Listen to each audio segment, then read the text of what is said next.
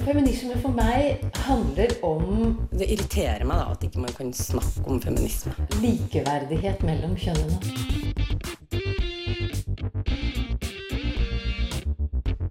Det blikket på kvinnen på film. handlet det om å bli tatt på alvor som jente. Du hører på Et eget rom på Radio Nova. På 70-tallet lagde kunstneren Judy Chicago installasjonen The Dinner Party, der det var dekka for 39 historisk viktige kvinner, samtidig som navnet på 999 viktige kvinner også var inskribert rundt installasjonen. Her spiller feminisme og kunst sammen på flere måter, og nettopp feminisme og kunst er det vi skal snakke om i dag.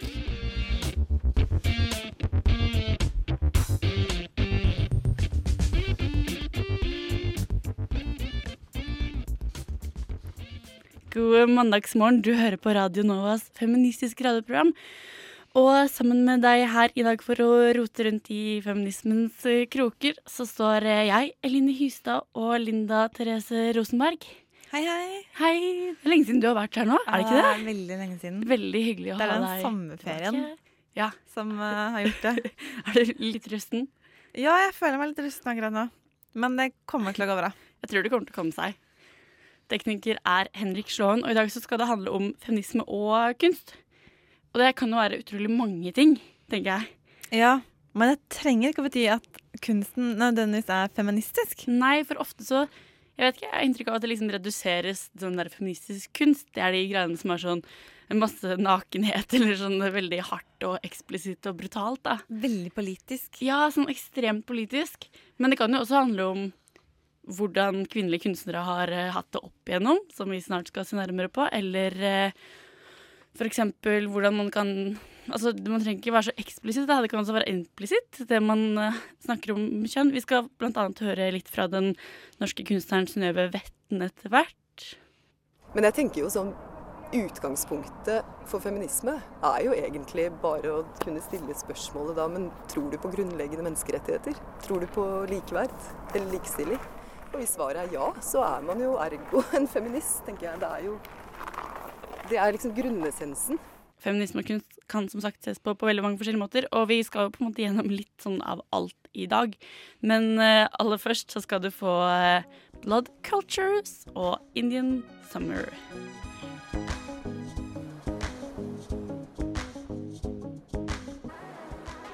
Sommer eh, fortsatt her på en slags måte med Blood Cultures og låta Indian Summer. Du som er sliten og sinna og lei. Nå vil vi synge ei vise til deg om at kvinner kan si fra, protestere og slåss. Bli med hos oss. Du hører på Et eget rom. Likestilling kommer ikke av seg selv. På denne dagen, mandagen. Om eh, feminisme og kunst og kvinner og menn og kunst. Det gjør vi. Ja. Litt tilbake i tid skal vi nå. Ja, fordi det er jo ofte tema. tenker jeg, det her med hvor, Hva slags vilkår har kvinnelige kunstnere hatt? Fordi man snakker ikke om så mange. Ja. Er det fordi det ikke var så mange, eller er det fordi vi ikke snakker nok om de? Ja, nå, eh, Jeg er ikke kunsthistoriker, så beklager dere der ute som kan mye om kunst. Men jeg har en teori om at det var en liksom, tørkeperiode, nesten. eh, Mellom 1900 og 1950. Jeg vet at det ikke var det når det gjelder norske kunstnere. Men det er en periode hvor jeg har veldig få norske navn. De dukker meg ikke opp i hodet mitt. Mens på 1800-tallet så er det masse kunstnere, både kvinner og menn, som ettertiden husker. Så det har jo vært kvinner som holdt på med kunst. Og siden man da liksom har hatt da, noen tiår med sterke kvinnelige skikkelser i kunstnermiljøet, i hvert fall sterke nok til at man husker det, så lurte jeg litt på Men hva med etter 1900? Da har man hatt en stor politisk debatt om kvinner skal ha stemmerett. De har fått eh, rett til utdannelse. Kvinner har i større grad blitt, eh, blitt myndighetspersoner, også etter at de har giftet seg. De får arve i mye større grad enn før. Så det har skjedd masse for kvinner eller på 1800-tallet. Men hva med på kunstmiljøet? Så jeg har tatt en, pr eh, en prat med kunsthistoriker Signe Endresen. På slutten av 1800-tallet, i hvert fall politisk sett, så skjer det ganske mye. Og da får man jo også de første kvinnelige kunstnere som kanskje ettertiden har hørt om, i hvert fall. da, Med Oda Krogh og Asta Nørregård og, og litt flere. Kitty Kielland og, Ja, ja. Og Harriet Bakke, ikke Ja. Men når den bikker 1900 og 1910, hvordan var egentlig mulighetene for en kvinne som ville bli kunstner da? Altså Mulighetene var jo egentlig der, eh, i og med at kvinner fikk tilgang på utdannelse. Så, sånn sett så, så tenkte man vel at eh, så lenge de hadde tilgang på utdannelse, så var mulighetene de samme. Men eh, i hvert fall i min forskning så har jo oppdaget da at de er jo ikke i det. For å kunne bli en, en kunstner som eh, ettertiden legger merke til, da, så må vedkommende ha stilt ut en del, reist rundt, altså vært synlig i kunstnermiljøet. Solgt bildene sine til store samlinger osv. Så, videre. så det er jo mange faktorer som skal til for at eh, ettertiden husker en kunstner. Og kvinnelige kunstnere hadde ofte ikke muligheten til å f.eks. være sammen på kafeer. Mange kunstnere sosialiserte på kafeer. Eh, altså, og, og fikk ikke kanskje adgang til de samme foraene som eh, mannlige kunstnere. Mange kunstnere på den tiden, ja, Henrik Sørensen, Chang Heiberg, altså disse Matisse-elevene osv., de var jo veldig aktive og fikk bildene sine med på store utstillinger. Og, altså det, jeg tror nok det var en del nettverking også på den tiden. Og det å få inngang i de nettverkene var nok ikke helt enkelt for en kvinnelig kunstner, spesielt hvis hun hadde barn eller ikke hadde en mann som forsøket henne. Så, så det hadde nok noe å si hvorvidt man eh, hadde tid mulighet til å, å, å delta i de miljøene som mannlige kunstnere gjorde. Eh, og Astrid Welhaven Heiberg, som jeg har jobbet en del med, hun er jo et godt kasus på den måten. Hun eh, giftet seg i 1907 og skilte seg etter hvert. Men hun fikk et barn med denne mannen som hun var gift med. Og da måtte hun forsørge barnet sitt og seg selv. Eh, og det, da måtte hun selge bilder og fokusere på akkurat det. Hun var veldig tydelig. Har etterkommerne snakket eh, i intervju, så har de vært veldig tydelige på at hun, hun ville ikke være noe annet enn kunstner. Hun eh, nektet å ta annen, annet arbeid. Så for henne ble løsningen å male bestilte portretter. Da tjente hun penger og klarte å overleve.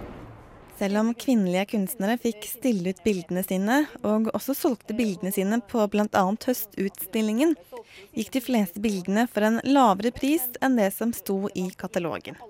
Og det at bildene til kvinnelige kunstnere ble solgt for en lavere pris, hvis de i det hele tatt ble solgt, gjorde det tryggere for kvinner som ønsket å leve av kunsten sin og male bestillingsportretter. Men bestillingsportretter er kanskje ikke det som ses på som radikalt eller nyskapende eller nødvendigvis nyvinnende. Sånn at for henne så, så ble det en løsning eh, og et kompromiss. Men jeg har jo analysert bilder som hun skapte før hun skilte seg, rent formelt. Hvor hun, eh, hvor hun eh, malte nakne damer i landskap og var egentlig veldig radikal. Veldig annerledes og, og, og brøt med stereotypiene eh, rundt kvinnelige kunstnere. Og og det, ikke, det, det falt jo ikke helt heldig ut for henne, dessverre. Når mannlige kunstnere gjorde det, så var det jo, fikk de en annen oppmerksomhet, mens hun på en måte ble, ble omtalt i ganske negative ordlag. På 1800-tallet, eller før 1900, så kunne jo ikke kvinner male bilder. I hvert fall ikke av menn. De, de kunne jo strengt tatt gjøre det, men det var, de hadde kanskje ikke så stor tilgang på nakne menn. da. Men var det noen slike kunstneriske begrensninger på 1900-tallet? For hva man tenkte at kvinner var egnet eller burde male?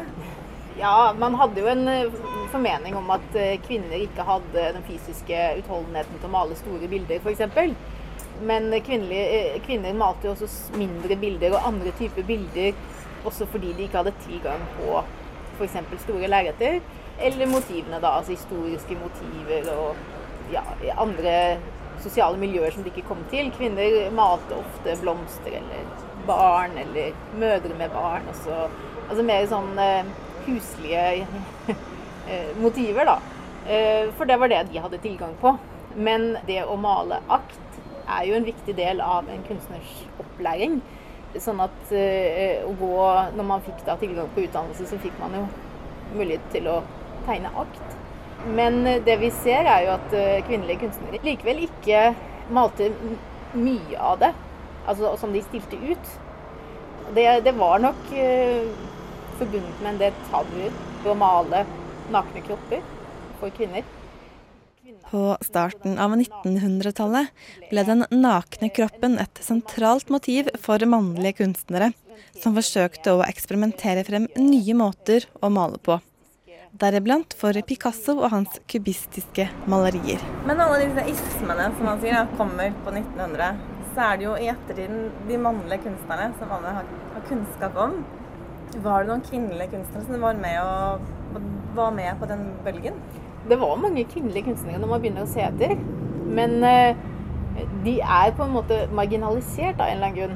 Og det er jo det jeg har skrevet om i, i min eh, hovedfagsoppgave. Om Astrid Welleven Heiberg og den prosessen. Og hun blir et slags kasus da på, på hva som skjer i den perioden, og hvilke mekanismer som virker på kunstnerne i den perioden. Og jeg fant jo da at hun, hun passet ikke inn i det, den forestillingen eller de forventningene man hadde til en kvinnelig kunstner. Altså hun brøt med noen, noen eh, forventninger, og slik sett ble dysset ned eller eh, omtalt i litt negative ordlag. Og, og på den måten ble dyttet litt ut eller marginalisert. Men ble kvinner møtt annerledes av kritikerne? Til en viss grad. Altså, hvis, de holdt seg inn, hvis de holdt seg innenfor rammene av hva en kvinnelig kunstner kunne gjøre og skulle gjøre, så fikk de jo til en viss grad positiv eh, omtale. Men, men beveget de seg ut av den rammen eller den forventningen som kritikerne og kunstnermiljøet hadde til dem, så, så var jo det ikke positivt. Eh, sånn som Astrid Welleven Heiberg, så var det de første årene veldig mye positivt om henne. At hun malte godt og at det virket lovende. Men etter hvert så gradvis så En kritiker skriver f.eks. at hun har stivnet i maner. At nå, nå er vi lei av disse fete kroppene. År etter år. Eh, sånn at det, det var litt i omtalen av, av henne, så, så var det jo gradvis ikke så veldig positivt. Ja. Kunsthistoriker Sindre Endresen hørte du der, og det var eh, Linda som hadde tatt en prat med henne. Vi skal fortsette å snakke om eh, kunst og feminisme her, men først skal du få høre Alex G og Thorns. Alex eh, G og Thorns heter denne sangen her. Du hører på Et eget rom på Radio Nova med Eline og Linda. Og det er litt sånn kunst vi snakker om i dag i vårt lille feministiske program. Og eh, nå har vi nettopp hørt Signe Endresen snakke litt om kunstnere og kvinnelige kunstnere på starten av 1900-tallet. Og en av de store kvinnelige kunstnerne på 1800-tallet, det var Harriet Backer. Eh, som sikkert noen har hørt før. Eller jeg regner med at alle har sett et bilde av henne hvis de bare googler henne, selv om de ikke vet navnet. Hva slags liksom, stil er det hun er det Litt realisme og litt sånn eh, impresjonisme. Hun bodde en del år i Frankrike, i Paris. Og var veldig inspirert av impresjonisme når det gjelder lys. De har male lys og farger og, og litt sånne ting. Eh, og hun drev en maleskole eh, fra slutten av 1890-årene og ut på 1900 og et eller annet. I 20 år. Eh, og var en veldig viktig figur eller person for å utdanne norske kunstnere, annet kvinner. Eh, jeg vet ikke hvor mange av de som gikk der som har måtte, et navn i den norske kunsthistorien, men hun hadde hvert fall en, eller hun utdannet ganske mange kvinner i det å male. Eh, og hun var, eh, hun var en person som hadde ganske stor respekt som kunstner i sin samtid. Eh, så hun var et veldig viktig eh, og vesentlig forbilde for senere kvinnelige kunstnere. Blant annet da denne Astrid Welhaven Heiberg, som Signe har snakket litt om i dette intervjuet. Og det sier jo litt, da, hvor viktig historien er for det som kommer senere. Eh, at ting henger så godt sammen. At det, det er en frontfigur som må gå foran og bane litt vei. Det er sånn viktig med de kule forbildene også, da, som er sånn Ja, Ja. altså, det snakket ikke hun Signe om, men Oda Krog var en av de første kvinnene i denne Kristiania-bohemen og var litt sånn Jeg tror folk så litt ned på henne. Hun var skilt, hun hadde et barn, og så var hun kunstner og bodde eller levde sammen med bohemen. Ja, hun var midt oppi ganske mye rot, hun på en måte, var hun Hun ikke var det? mye, ganske mye rot. Men dette med at Signe snakket uh, om at for å kunne bli kunstner og måtte få et navn og komme langt, så måtte du ha tid til å sosialisere og bygge nettverk. Mm. Uh, og få deg bekjentskaper i kunstnermiljøet. Ja, sånn er det vel fortsatt òg, tenker jeg. Det er det nok eh, i dag mye om også. networking og Ja, henge rundt på de riktige stedene. jeg ser for meg at Oda Krogh var den typen eh, foregangskvinne også. En som var med å lage det rommet som kvinner må ha for å kunne være med i den eh, nettverksbyggingen. Selv om hun kanskje ikke hadde tid, så var det at hun var en av de som gikk først inn og liksom banet litt sånn albuerom. Ja, man må jo tørre å gå inn i de mannlige kretsene, eller mannsdominerte kretsene for å være Ja, og så er det jo noe med at uh, det er lett å stå på utsiden og se litt ned på de som lever litt på siden, som kanskje kunstnere ofte har gjort i kanskje alle tider. Uh, og så må man tåle å få det blikket på seg uten at man skal la seg knekke. Og det er kanskje enda vanskelig når man har barn, som mange kunstnere hadde.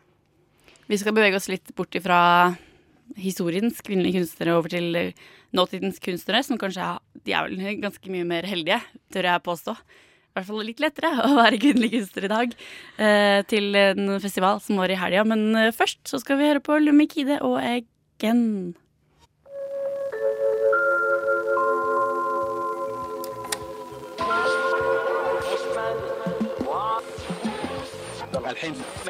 Radio Nova er Oslo-studentenes helt egne radiokanal. Nå er det din tur.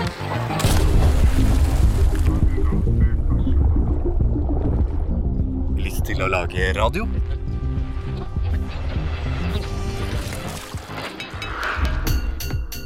Radio Nova søker nye medlemmer til radio- og nettproduksjon. For mer informasjon besøk radionova.no. Søknadsfrist 25. august. Du, Linda. Jeg har vært på en kunstfestival. Ja, det var nå i helgen, det. Ja. Ja. På fredag var jeg på kunstfestival i Ekebergparken. Midt oppi der Har du vært i Ekebergparken? Eh, nei, det har jeg faktisk Nei, ikke. jeg hadde heller ikke det, så det men du har bodd lenger i Oslo enn meg. Men eh, det er jo egentlig sjukt mye skog der, liksom. Ja. Det føles mye bedre som å være midt i en skog enn i en park. Og der arrangerte Trollkrem, som er en sånn kunstnerduo, med, mm, med Jenny Hagevik Bringaker og Tor Erik Bø, sammen med Oslo Pilot, en kunstfestival som het Soppen. Performance Festival. Så det var performancekunst i skogen. Ja. Ja. Performancekunst midt i skogen. Og de har samarbeida også med et sånn arkitekturprosjekt. Så de hadde lagd både en scene som var sånn lofta og hengt opp sånn tre meter opp i et tre. um, som de spilte på, som var sånn hovedscenen, og lagd en bar midt inne i skogen, og lagd masse sånn pynt og gjerder i masse treverk og flis, og det føltes kanskje litt som å være et sånn folkeeventyr. um, så det var veldig kult, da. Helt sånn midt inni, midt inni skogen. Og der traff du noen, eller så du noe, eller? ja, jeg så litt kunst. Litt performancekunst. Eh, Det var veldig masse forskjellig. Jeg var der bare én av to dager òg. Det var et mye lengre program òg. Men veldig mye kult, og mye da som handler om kjønn på litt sånn forskjellige måter. Det føltes ut som eh, det var en sånn grunnleggende forståelse om at det var viktig et sånn type kanskje queer-teoretisk er riktig å si, da. Perspektiv er viktig. Ja. Så jeg så Jeg eh, så blant annet en sånn herre Det var ei som heter eh, Oi, vent, da. Jeg har glemt navnet. Marte Ramm Fortun er en norsk kunstner. Hun hadde en sånn slags performance-tale som var skikkelig kul, som hun snakket om Fordi denne skulpturparken i seg sjøl er jo ganske spennende. Den Ringnesparken, eh, som Kristian Ringnes har fått full av damer. For det er jo en million med dameskulpturer der. En hyllest til kvinnen skulle det være. Så hun Marte Ramm Fortun eh, satte her et veldig kult perspektiv. Snakket annet om Marina Abramovic, og var litt kritisk til henne. Og Donald Trump og masse sånt. Og snakket om hvordan det, det de driver med, er en slags uh, måte å endre den parken på. Da, eller være sånn midt inni den og snakke om noe helt annet, på en måte. Det var veldig kult. Um, Så det er litt sånn kjønnsperspektiv og kjønnsidentitet inni det her? Ja, det var egentlig det. Og vi skal også snart etter hvert få høre et intervju med Synnøve G. Vetten, som var en av kunstnerne som var på festivalen. Hun også var eh, veldig opptatt av det her med et kjønnsperspektiv. Men først så skal vi høre Agent Blå og låta 'Frustrerad'. Agent Blå og frustrerad. Litt eh, svensk frustrasjon der. Eh, som sagt så har jeg vært på kunstfestival på Stoppen Performance Festival, og der eh, traff jeg den norske kunstneren Synnøve Siso G. Vetten. Som undersøker det her med kjønn og identitet på mange forskjellige måter i kunsten sin, egentlig. Og blant annet vært eh, aktiv i gruppa Frank, Club Frank, som jobber med et sånn queer-teoretisk perspektiv på kunst. Og jeg traff henne midt sånn oppå Ekeberg, så man hører litt sånn Ekeberg-lyder i bakgrunnen, eh, for å snakke med henne om hvordan hun ser på det her med feminisme og kunst. Hva jobber jeg med i kunsten? Altså Utgangspunktet på mange måter er jo eh, fokus, men med forskjellige hva skal jeg si, innganger til kjønn, seksualitet, ideen om eh, mennesket som et veldig bredt spekter, og ikke som veldig sånne tydelig fastlåste kategorier som i hvert fall ja, vår generasjon og tidligere har vokst opp med. Mm. Så det er liksom, hva skal jeg si, grunnessensen. Men så er det jo mange måter å faktisk hva skal jeg si, ta tak i det på. Så jeg har egentlig også jobbet mye med å sånn teste ut forskjellige typer hva skal jeg si, eh, uttrykksformat, da, hvis man kan bruke det. Bare sånn, hva, hva skjer når man benytter et veldig sånn poetisk, sart språk i ett prosjekt? Hva skjer når man virkelig jobber med veldig sånn, eh, hva skal jeg si, eks, eks, ekspresjonistiske, ganske intens energi utad? Og hva skjer når man virkelig liksom bare tar vekk egentlig veldig mye filter og liksom prøver nesten å hente fram noe sånn primitivt? Og da har jeg brukt performance veldig mye for å kunne teste ut da, de her litt sånn ulike inngangene. Men hva er det du syns er spennende med å jobbe med det her med kjønn og identitet i kunst? da? Eh, hva jeg syns er spennende? Altså sånn I utgangspunktet så, er, så føler jeg bare at det er så til stede i vår infrastruktur og i vårt eh, sosiopolitiske Eller virkelighet, rett og slett. At det er nesten uunngåelig å faktisk eh, ikke ha en bevissthet rundt det. Og den har jo også hatt sin evolusjon, for all del. For jeg kom jo fra Oslo-scenen, og så flytta jeg da til eh, Malmö. Og bodde i Sverige da i seks år. Og det er jo et veldig annet klima når det gjelder spesielt sånn helt fokusert hvis man skal forholde seg til feminisme, da, både som begrep og et livssyn, og, og bare som en del inkorporert i et språk. Så det er jo én ting. Men så er det jo også mer bare sånn hva skal jeg si, rent personlig òg. Det har vært tematikk som egentlig har fulgt meg fra jeg har vært barn. Sånn, hvem er man egentlig, å identifisere seg, og koder og, og videre. Så det har liksom vært en bevissthet i forskjellige selvfølgelig skalanivåer eh, hele tiden. Men det her, du, du, jeg kommer litt inn på det med feminisme og begrep og sånn. da. Vil du kalle det liksom feministisk kunst? Ja, for det der er veldig interessant. Og det er jo et slags evighetsspørsmål på mange måter. Men i hvert fall eh, politisk kunst har brukt veldig mye tid på å forholde meg til hva, hva kan det være, og så. Og så var det faktisk Chantal Mouffe som eh, var veldig tydelig på det. Og jeg har egentlig bare tatt den til meg. Det, det ga så mening at den falt helt inn. Og det hun snakker om er Hun mener at all, all kunst er politisk. Men det handler om om man ønsker å være en kritisk stemme, eller om man velger å være en systembevarende stemme. Men det å også forholde seg på en måte hva skal jeg si, om ikke passivt, da, men å velge et ikke-politisk språk, er også et politisk valg. Og syns, der syns jeg hun på en måte fanger det. Enten har man en, en eller annen, hva skal jeg si, et spekter av en kritisk inngang, eller så har man ikke det. Så er det jo en systembevarende, et systembevarende uttrykk, da. Så ja, jeg vil absolutt kunne kalle det da fem, feministisk kunst. Og sånn med tanke på feminisme er jo et så vidt begrep, og det er så mange underkategorier og litt sånn forvirring og diskusjoner i alle nivå. Men jeg tenker jo sånn Utgangspunktet for feminisme er jo egentlig bare å kunne stille spørsmålet da, men tror du på grunnleggende menneskerettigheter? Tror du på likeverd eller likestilling?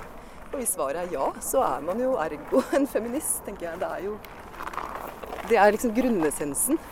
Men du har vært ganske eh, sånn eksplisitt politisk, har jeg forstått, når du har lagt til essays og manifester og sånn til kunsten din. Hva, hva tenker du det Hvordan fungerer det inn sammen med kunsten? Ja. Kanskje Jo, eh, altså det er jo også litt sånn Det følger egentlig utviklingen fra, fra Sverige. Og som sagt, da når jeg da kom tilbake til Norge, det, var, det var kjentes helt naturlig å skrive det aller første manifestet som det første prosjektet jeg presenterte også her i byen. Rett og slett med ønske om å tenke, for manifestet, i hvert fall sånn som jeg tenker det, da, har jo en evne til å komme opp med forslag til hvordan man ønsker at en fremtid skal være. Og uten å skulle begynne å referere så mye til filosofer, så er det i hvert fall veldig interessant uh, uttalelsen til en Deleuze, som snakker om at det å stille kritisk, eller gå kritisk inn i en problemstilling, i det, den, det resonnementet så må man også kunne komme med et forslag. Og det syns jeg er ganske viktig. da.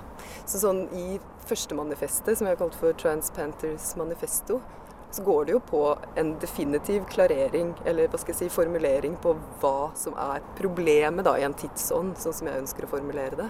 Men så kommer det jo også forslag i de neste sekvensene da, til hvordan man kan ønske at man kan legge til rette. Det var eh, kunstneren Synnøve Vetten du hørte der, som snakket om hvordan hun ser på forholdet mellom eh, feminisme og kunst. Vi skal fortsette å snakke om akkurat det her med feminisme og kunst her i et eget rom. Men eh, først så skal du få låta Youth of Today med Geller og Kaja. feminist, a person who believes in the social, political, and economic equality of the sexes. Eget rom. Et eget rom. Et Eget rom. Et eget rom. Et eget rom. Nå har vi jo snakka med en kunstner, og vi har snakka en del om kunstnere i løpet av historien. Om det her med Ja, det handler jo egentlig om kjønn og nei, feminisme og kunst, alt sammen. Men det her med kjønn i kunst, både fra liksom betrakter, hvordan man ser på kjønn i kunsten, og egentlig hvordan det fungerer i samfunnet helt sånn generelt, da. Det ble forska på i en bok som kom ut i 2013, som heter eh, 'Kjønnsforhandlinger studier i kunst, film og litteratur'. Og der utforsker de liksom helt på tvers av eh, Altså veldig sånn tverrestetisk? Tverrestetisk, som det heter. Fint. Eh, det her, da, med kjønn og estetikk.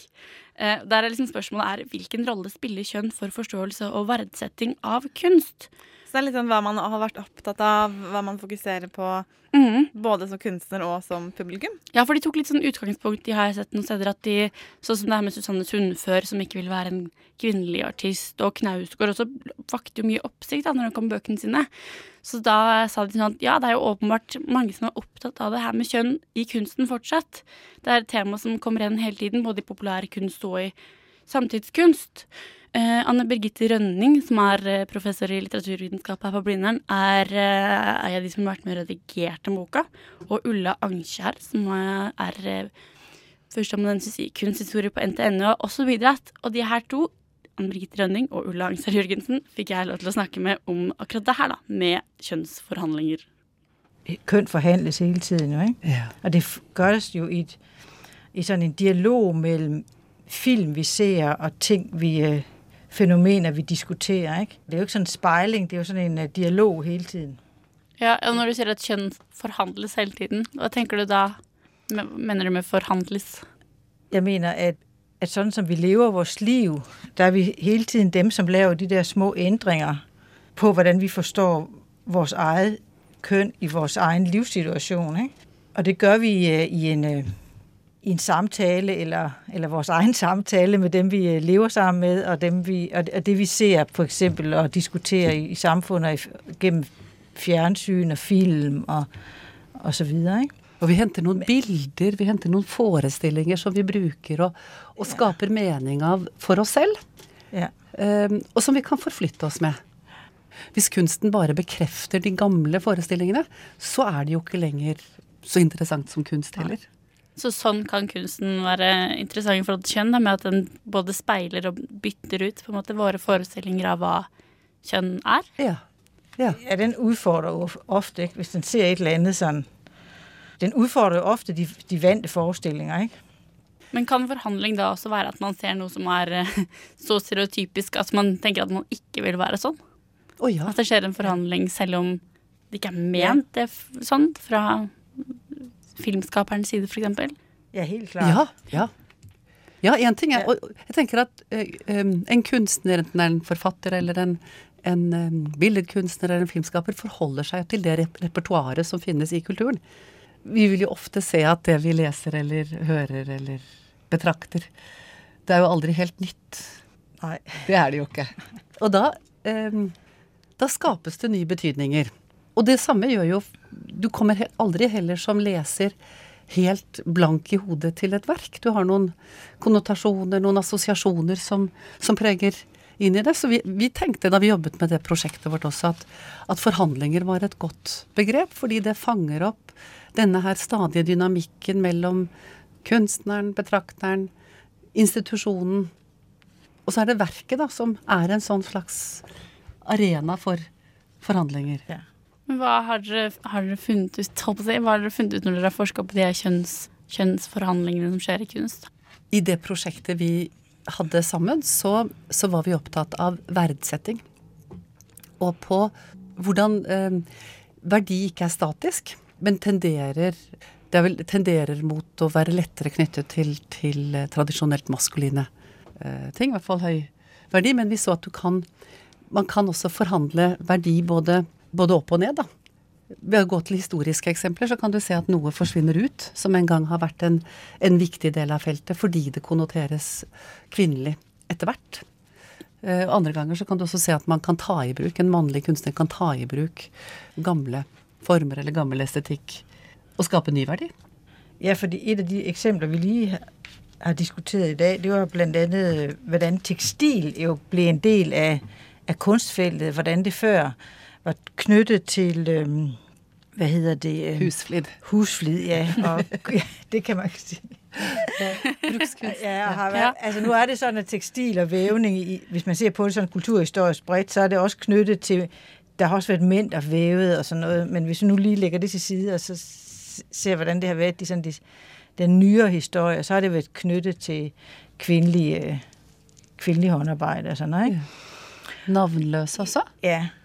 Et anonymt brukskunstverk, ja, liksom. Ja. hvor kunstverket er jo det som har en signatur, en kunstnersignatur, ikke? Mm. og skal fremme ham også. Og så i, i 70 på 70-tallet der tog hva heter det, den feministiske øh, kunst det her opp bevisst som en strategi og arbeidet med de der såkalt øh, feminine æstetikker. Ikke? Og det ble sånn en, øh, et, hva heter det, et stort projekt. Og det, både internasjonalt og her i Skandinavien.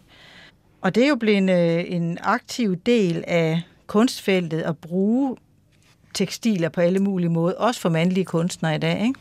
Det er av hele den der feministiske kunst. Og det er jo så også den måte de så liksom har, har forhandlet å få den type av problematikker inn, det der materiale inn, men også de eh, problematikker de bar med seg som kvinner, som, som var det private. De, for, de har jo den her parole med å gjøre det private politisk. Fordi de vil jo diskutere kønsrollerne og hva det foregår, foregikk i intimsfæren. Ikke? Øh, og i dag er intimsfæren jo det der blæses ut mm. i kunsten mm. over det hele. Ikke? På den måten har, har kvinnene vært med til å sette noen øh, ting på dagsordenen som er blevet blitt en integreret del. Ikke? Og det er jo en forhandling med den institusjon som kunsten har vært før. Ikke? Ja, Så det skjer en forhandling innad i kunsten yeah. i seg sjøl også? Yeah. Mm. Jeg tenker at Det må jo være mye sånn hvordan man leser det, om det er liksom ironisk eller noe dobbeltmeninger, eller hva, hva, en sånn forhandling handler om også. Det må jo kunne være veldig mye for veldig forskjellige personer, og hva slags ståsted de har. Det er i hvert fall sikkert i dag at kjønn er ikke noe entydig. jo. Det er ikke noe som knytter seg entydig. Altså kjønn øh, øh, og visse verdier knytter seg entydig til en type krop, kan man si, som har et bestemt kønstegn. Sånn er det ikke i dag. Det er det som er, ligesom er blitt splittet ad de senere årtier. Ikke? Så kjønn er mangfoldig, men det er også helt opplagt, syns jeg, at kjønn ikke er noe som er utvendig i forhold til kunsten. i den grad mennesket er i kunsten, så er kjønnet det også. Anne Birgitte Rønning og Ulle Angskjær Jørgensen hørte du der som snakka om det her kjønnsforhandlingsbegrepet. Tenk litt på det. Veldig bra begrep. Imens så kan du få høre låta 'Tomorrow' Nei, 'Bamboos Break' av 'Tomorrow We Move to Hawaii'.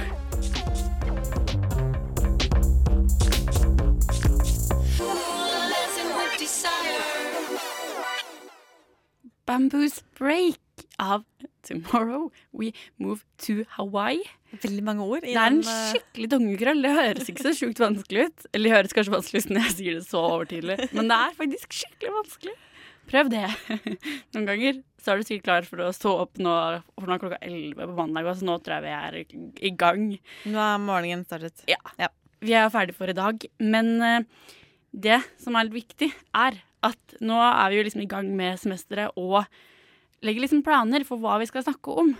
Så hvis du som hører på har noe som du syns vi burde snakke om, som er skikkelig spennende innenfor feminisme, så må du si ifra. Enten på Facebook. Ja. Det er bare å søke opp et eget rom, og så finner du pagen vår, og du kan sende en melding. Ellers så har vi også Instagram, mm. hvor du kan gi litt sånne tips. Send en melding på Instagram. Det blir vi veldig glad for, og det tar vi absolutt med i betraktning. Ellers så søker jo også Radio Nova nye medlemmer. Mange programmer. Så på radionova.no så kan du liksom søke om å være tekniker eller skrive nettsaker eller drive med radio. Masse bra programmer, så det anbefales å sjekke ut det. De som du har hørt stemmene til her i dag, det har vært Linda Therese Rosenberg og meg, Line Hystad. Tekniker har vært Henrik Slåen. Tusen takk for det. Med deg videre helt til slutt her så skal du få låta 'Open Your Eyes of Gold Celeste'.